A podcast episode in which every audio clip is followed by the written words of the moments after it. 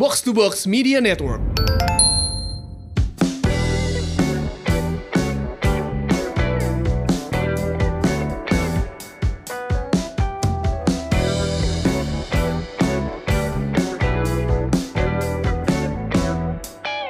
Halo Semurians, welcome. Ini dia podcast Semur, Sehat dan Makmur. Podcast yang akan ngajak kamu sehat jasmani dan makmur finansial bersama saya FX Mario. Dan ada teman saya. Hola, saya Libina Hananto. Halo, halo Win. Hai, Win, kemarin-kemarin kita udah ngomongin yang berat-berat ya Win ya? ngomongin COVID, Oh, ngomongin, ngomongin rumah vaksin, sakit. ha. rumah sakit. Yang Kita sekarang yang ngomong- ringan-ringan, Mar. Oh, yang nyantai-nyantai aja ya. Kita ngomongin apa mainan kali ya, game ya. Tapi nggak santai juga ternyata Nggak, topiknya. san- nggak santai, nggak Usulan santai. Semurian ya. Apa? Ini usulan dari Semurian. Semurian, iya Sesa Opas di Sesa Opas. Twitter. Hai, Sesa. Ah, kita ngomongin game. Wah menarik juga nih.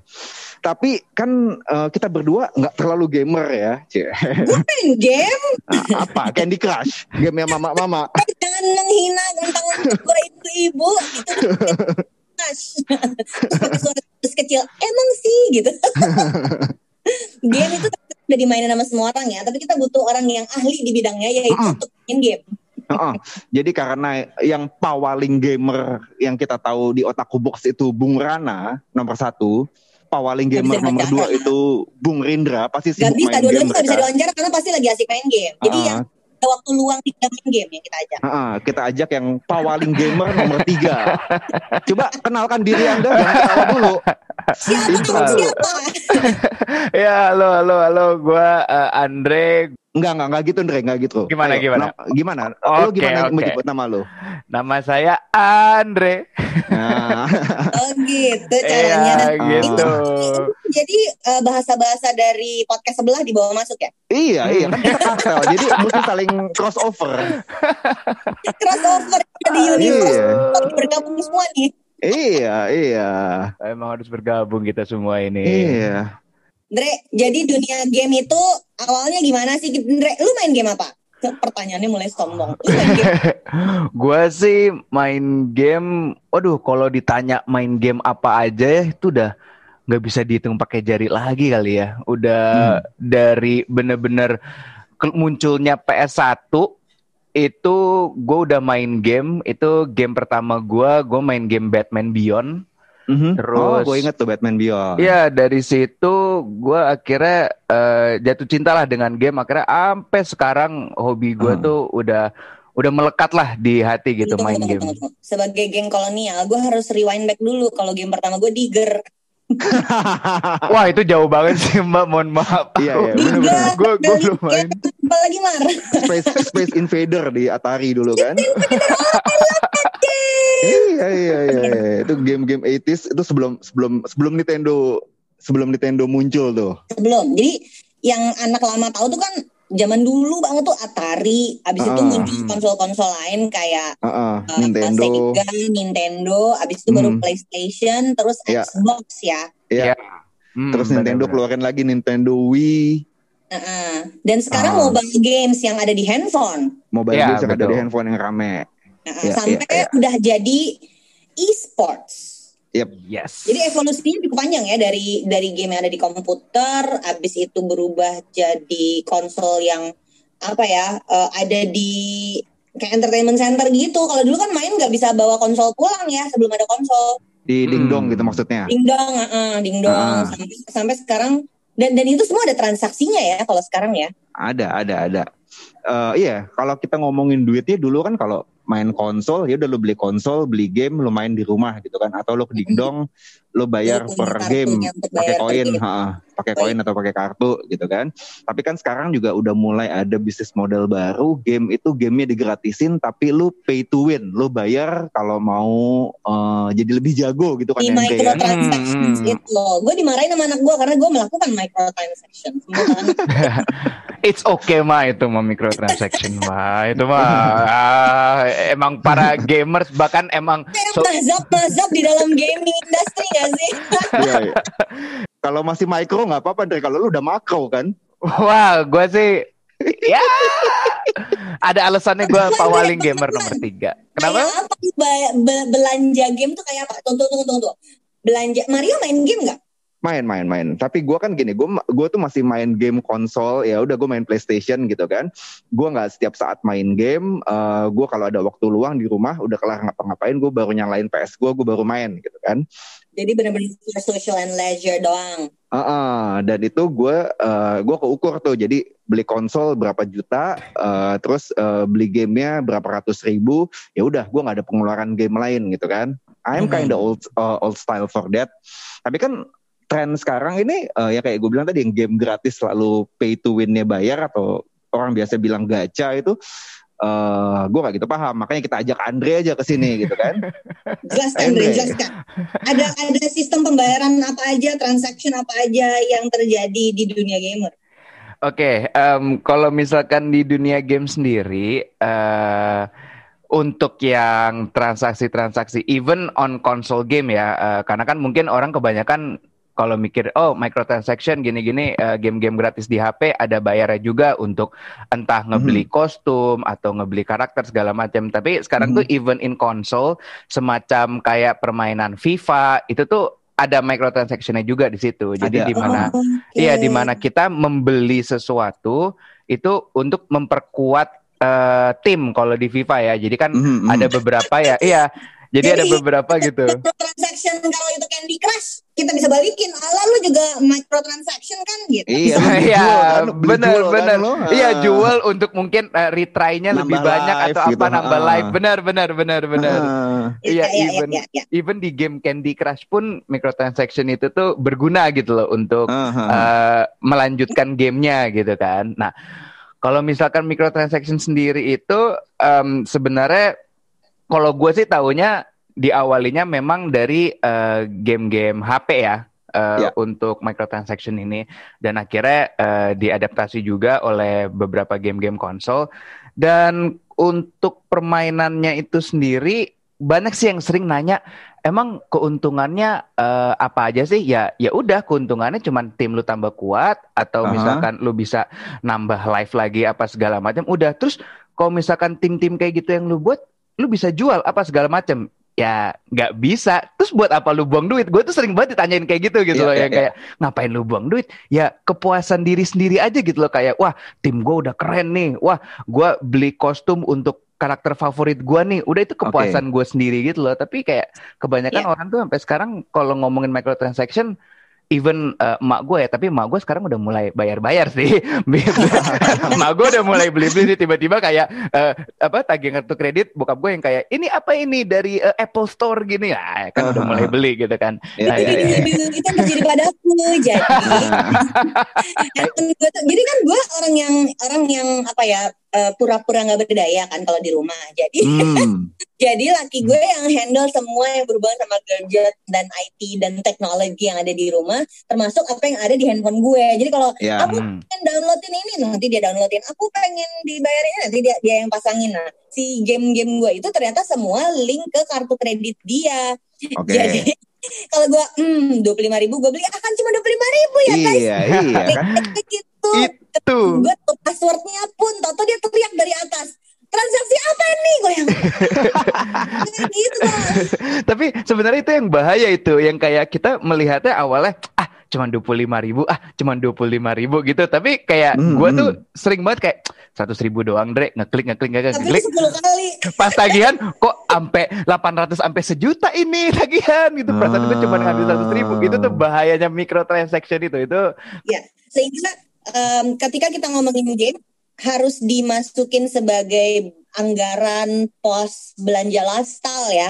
Ini tuh udah yeah, yeah. menurut gue dunianya tuh udah beda banget. Jadi udah harus dianggarin bukan kayak kita belanja sekali-sekali tapi udah jadi kayak yeah. regular kayak pergi nonton, kayak yeah. makan di cafe, belanja game ini untuk orang yang ngegame banget udah harus dialokasiin uh, sebagai pengeluaran rutin menurut gue. Yeah, uh, yeah, yeah, yeah. Asin asin lifestyle post tapi ada setiap bulan gitu ya. Iya. Mm -hmm. yeah.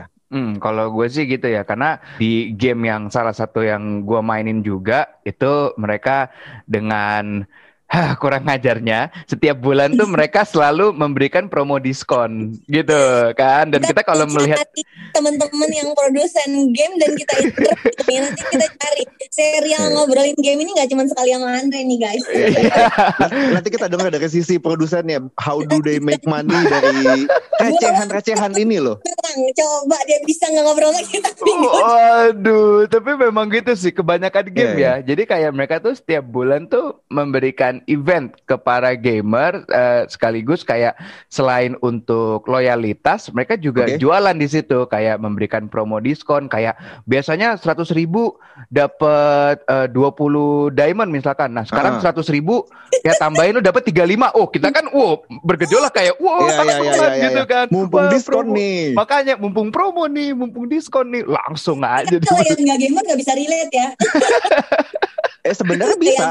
Kan kan barangnya tinggal tinggal lo ganti apaan? ya ganti-ganti apa Mar contohnya kopi eh, kopi Iya, yang Kopi lah Susu- kalau lo beli pakai eh, aplikasi ojek online misalnya yang tadinya misalnya satunya 100.000 ribu eh, jadi misalnya 130 untuk dua botol atau eh, yang kopi literan gitu orang kan tergoda gitu kan Mm, mm, mm.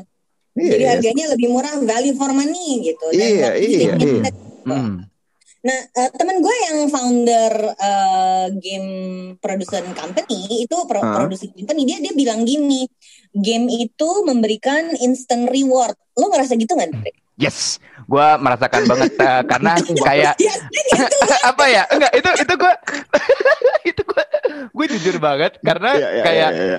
gue tuh biasanya kan kayak tiap kali gue buka game di HP gitu, terus gue melihat diamond gue yang kayak, duh diamond gue cuman 10, duh diamond gue cuman 20. Tapi kayak rasa setelah beli diamond aja, padahal belum ngambil playernya ya, belum ngambil Iya, pemainnya ya. Tapi pas gue isi terus kayak gue ngeliat, wah diamond gue ada 100. Wah itu kesannya kayak, wah gue banyak opsi untuk membeli nih, wah gue bisa Oke, beli oke, apa oke. aja gitu.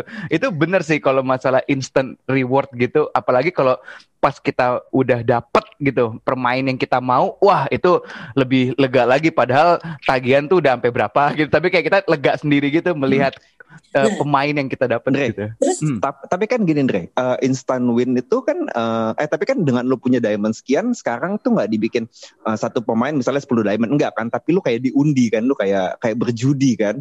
Kayak apa ya, kayak, kayak kayak kocokan lah gitu kan.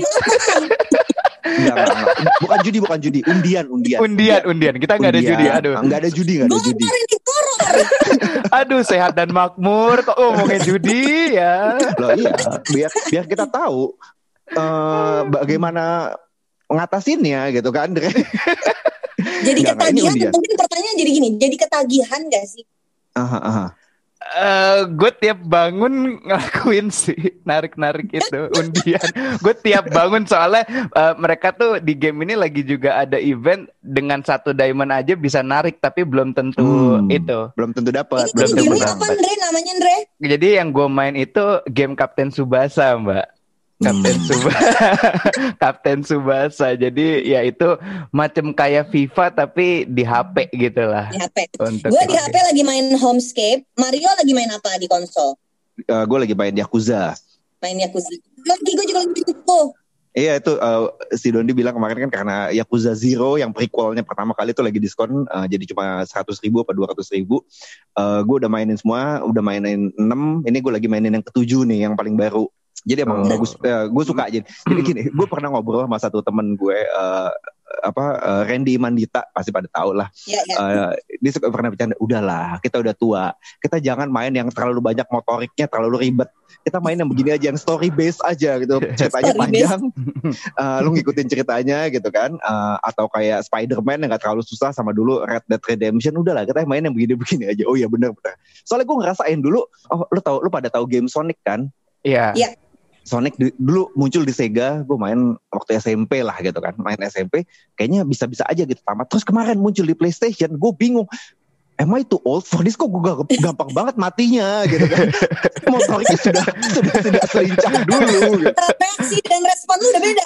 Iya iya iya. Kayak dulu SMP tamat-tamat aja main ini kok sekarang susah banget. Udah lah gue gak mau main lagi gue main yang simple-simple aja gitu.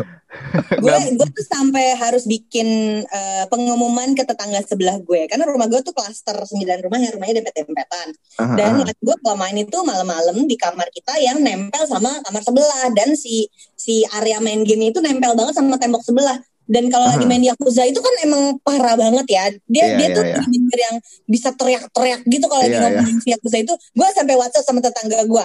Lah, kalau ada teriak-teriak ini bukan KDRT ya. Emang tuh Yakuza pokoknya. Tapi kayak gitu juga kan uh, untuk uh, Bung Mario bahwa ya ada diskon apa-apa kayak aduh diskon nih deng langsung ngegas gitu aja beli iya, aja tuh iya, gitu. Iya, iya. Dan harganya uh. kan kesannya nggak mahal kan karena hmm. itu seratus ribu, dua puluh sembilan ribu gitu, nggak hmm. nggak hmm. nggak kesannya memberatkan.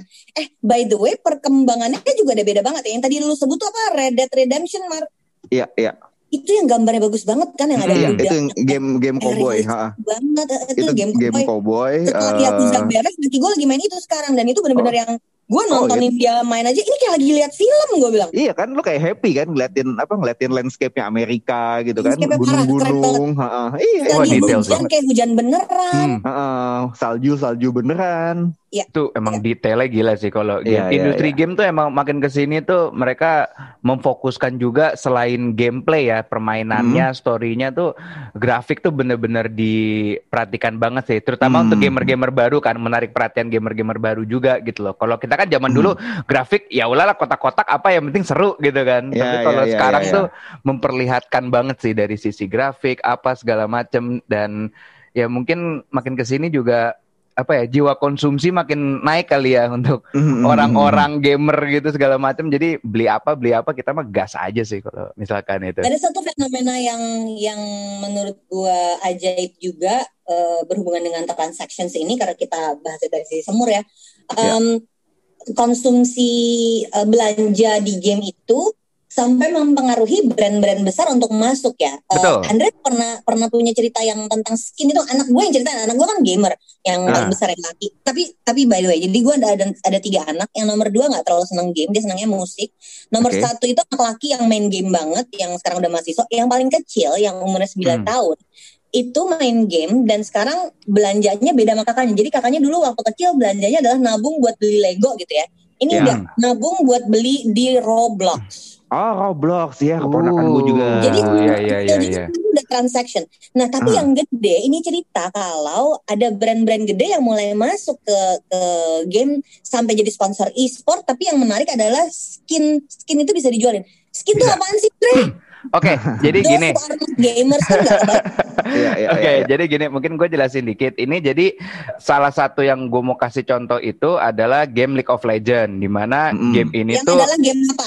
uh, itu game uh, multiplayer online based strategy gitulah. Dia kayak gimana kita satu orang kita mengkontrol satu orang itu dan kita uh, naik level apa segala macam untuk menang. Jadi hmm. permainan ini tuh lima lawan lima. Iya, permainannya tuh tim lima lawan lima. Kayak Final Fantasy hmm. tapi terus ada ada kompetisinya gitu. Uh, kalau Final Fantasy kan itu mereka pergerakannya tuh kita pilih-pilih ya. Kalau ini kita bener-bener gerakin dari dia. Kalau kita nggak ngapa-ngapain dia diem. Jadi kita harus kayak ngeklik ngeklik hmm. terus untuk mengarahkan dia jalan begitu. Hmm. Kalau Final Fantasy kan ketemu musuh apa segala macam terus oh, diam kita pilih gitu kan mau iya, attack, yeah, mau yeah, defense yeah. apa gitu kan. Ini nah, ini harus berstrategi untuk mencapai uh, tujuannya gitu. Iya, untuk mencapai kemenangan. Jadi itu lima lawan lima kerjaan mereka tuh pokoknya cara menangnya itu menghancurkan uh, markas lawan begitu oh, menghancurkan okay. markas lawan gitu kan strategi ya jadi ini permainan lima lawan lima dan di game ini itu tuh mereka setiap tahun ya dari tahun 2013 mereka mengadakan satu event gede namanya World Championship.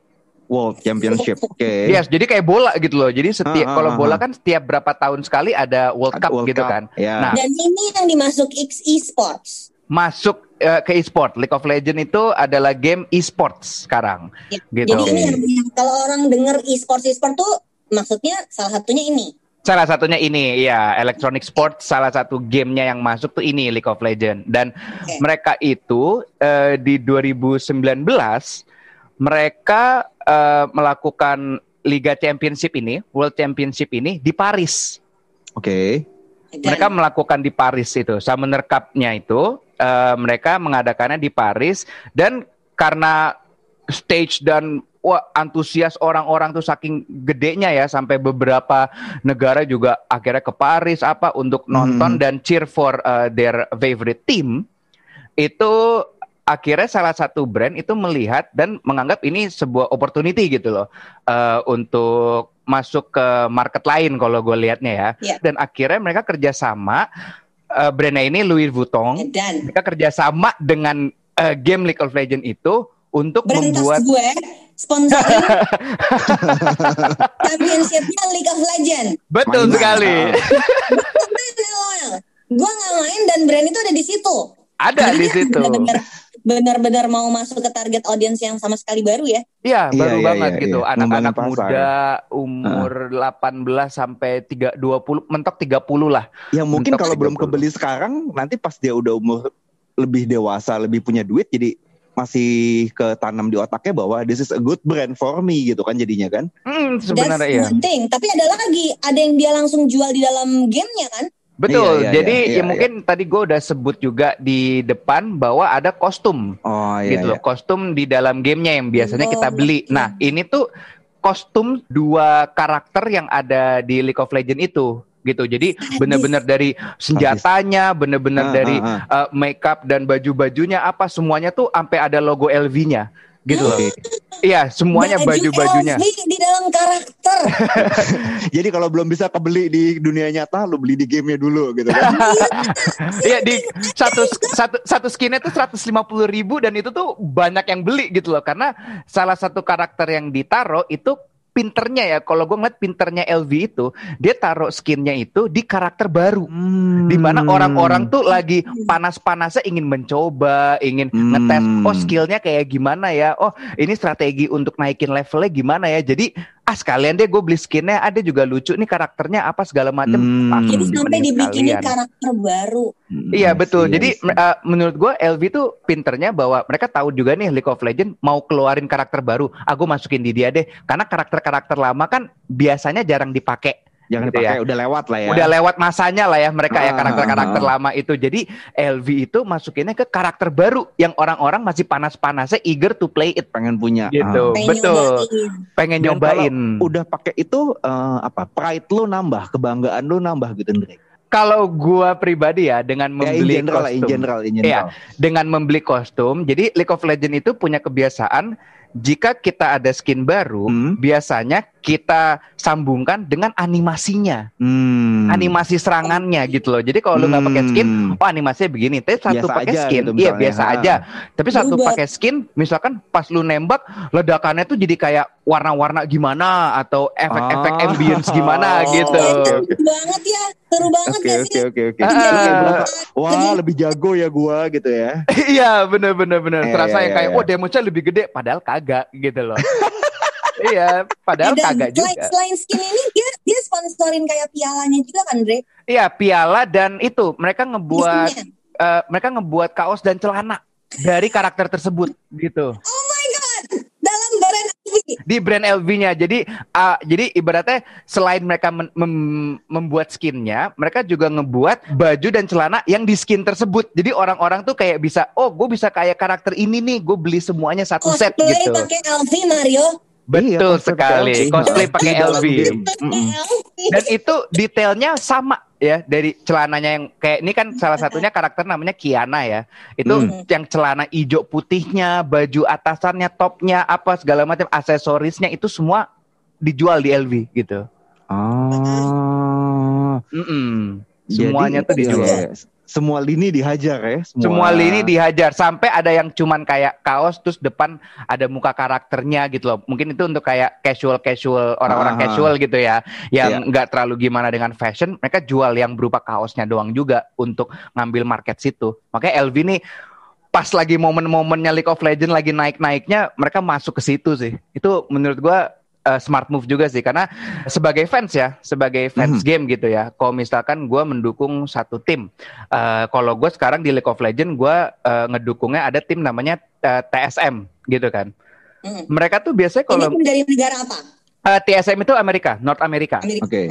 Ah, nah, eh gue tuh kalau misalkan apa namanya ada mereka ngekeluarin misalkan keyboard TSM gitu, keyboardnya doang nih, misalkan ya keyboardnya, mouse setnya apa segala macem, itu gue tertarik untuk beli biasanya. Ah. Jadi jadi ada masing-masing tim tuh ada fanbase-nya sendiri. Betul, Which betul, betul. Very similar with other sports yang kita kenal ya. Kalau kalau Iya, iya. zaman dulu misalnya yang ngefans sama Chicago Bulls, jadi lu pengen punya topinya, pengen punya Pengen punya jersey-nya, pengen punya merchandise-nya, iya. Hmm, hmm. barang-barang merchandise-nya. Ini sama juga. Jadi memang e-sports itu sudah sampai di level itu ya. Iya, iya, iya. Betul, dan ini mungkin sedikit aja, nggak cuman LV, Nike juga. Oh, Nike oke. juga. Nike juga masuk ke League of Legends, mereka bikin sepatunya. Oh. Sepatu League of Legends. Iya, sepatu kayak eh, Air Max-nya gitu, sepatu Hmm. Air Max-nya. Yang bisa dibeli nggak offline juga terbayangkan ada loh. barangnya juga gitu. Ada barang ya, udah bisa Karena beli. kan karena kan Oh. dulu itu terkenalnya Air Jordan karena Michael Jordan bisa terbang. Jadi sepatunya itu masuk kan gitu. Mhm. Kalau League of Legends sepatu Nike-nya buat ngapain? Buat duduk duduk. Buat berantem. Soalnya ada karakternya juga yang pakai sneakers soalnya. Ada Iya, karakternya yang pakai sneakers. Ini apa ya kayak realm yang beda aja gitu. Lu nggak bisa samain sama sama sports yang aktif di reality si e-sports ini udah dunia sendiri aja udah. Iya sih. Bisa sih Win. Ini Iya. jadi kayak si karakter ini jadi si Michael Jordan ya jadi marketing ikonnya. Betul. Kita harus bahas produksi gamenya terpisah, Iya, kita iya. harus bahas e-sportsnya terpisah. Aha. Bagaimana karakter game bisa jadi ya figur eh, influencer kayak Michael Jordan dulu gitu kan berarti sebenarnya kan? Itu kan dunia yang beda banget ya. Iya iya iya iya. Satu lagi nih menurut gue sebelum kita closing. Eh, selama pandemi, eh, sebelum pandemi, industri game itu nilainya sudah lebih besar daripada industri film. Selama pandemi, ketika film tiarap, industri game tidak terpengaruh. Dia Mhm. jalan terus karena dia ada digital. Kayaknya yang bisa mematikan dia cuma internet koneksi mati atau listrik mati. bener, bener, bener. Iya Ba- eh, tapi bahkan offline pun dengan internet mati itu juga bisa mempengaruhi karena Masih kebanyakan, bisa, iya karena orang kebanyakan kayak kalau nonton di yang dari luar negeri gitu ya, kayak gua misalkan, gua tuh nontonnya via streaming. Kalau mereka ada Hmm. tanding, jadi gua nggak bisa di sana gitu untuk kayak cheering, wuh, nggak bisa. Gue via Ya, streaming. jadi apa kalau anak gue bilang gini, apa yang sekarang dihadapi orang pandemi harus ada di rumah aja, buat banyak gamer yang memang seneng di rumah aja itu biasa aja buat mereka karena Iya we iya are iya. at home in front of the computer all the time dia bilang gitu. Betul. Mhm, mhm. Em, waktu mulai pandemi itu memang eh, kerasa gak sih banyak orang yang lebih banyak ngomongin game. Seingat gue nih nggak mungkin ini nggak kita bahas. Salah satu game yang sempat populer banget di awal pandemi itu Animal Crossing. Animal Crossing. Betul, Itu Yes. talk about Animal Crossing. What is this all about? betul, betul. Dan uh, fun fact, Animal Crossing masuk uh, The Game Awards. Saking dia meledaknya awal-awal pandemi, dia masuk salah satu uh, best game uh, 2020 nominasi. Hmm. Sampai begitu Sampai efeknya. segitunya efeknya, sampai masuk best game 2020 dan juga uh, mungkin sedikit mention juga yang meledak di 2020 padahal ini game lama yaitu Among Us. Among Us. Iya bener Among Us. Mm-mm. iya. Bisa tuh. bersosialisasi online gitu kan sama Walaupun teman-teman lu kan. nuduh-nuduh, walaupun nuduh-nuduh. Walaupun bisa jadi perpecahan pertemanan gitu ya Andre ya. Iya betul. Terus di youtuber-youtuber yang yang menginfluencing anak-anak kecil itu bikin off eh, offline online dan offline-nya Among Us kan lucu-lucu banget Betul. itu. Iya, Betul, iya, iya, betul. iya, Makanya iya, itu iya. lucu emang. Bener, bener, bener, bener. Emang tuh Saking game. populernya.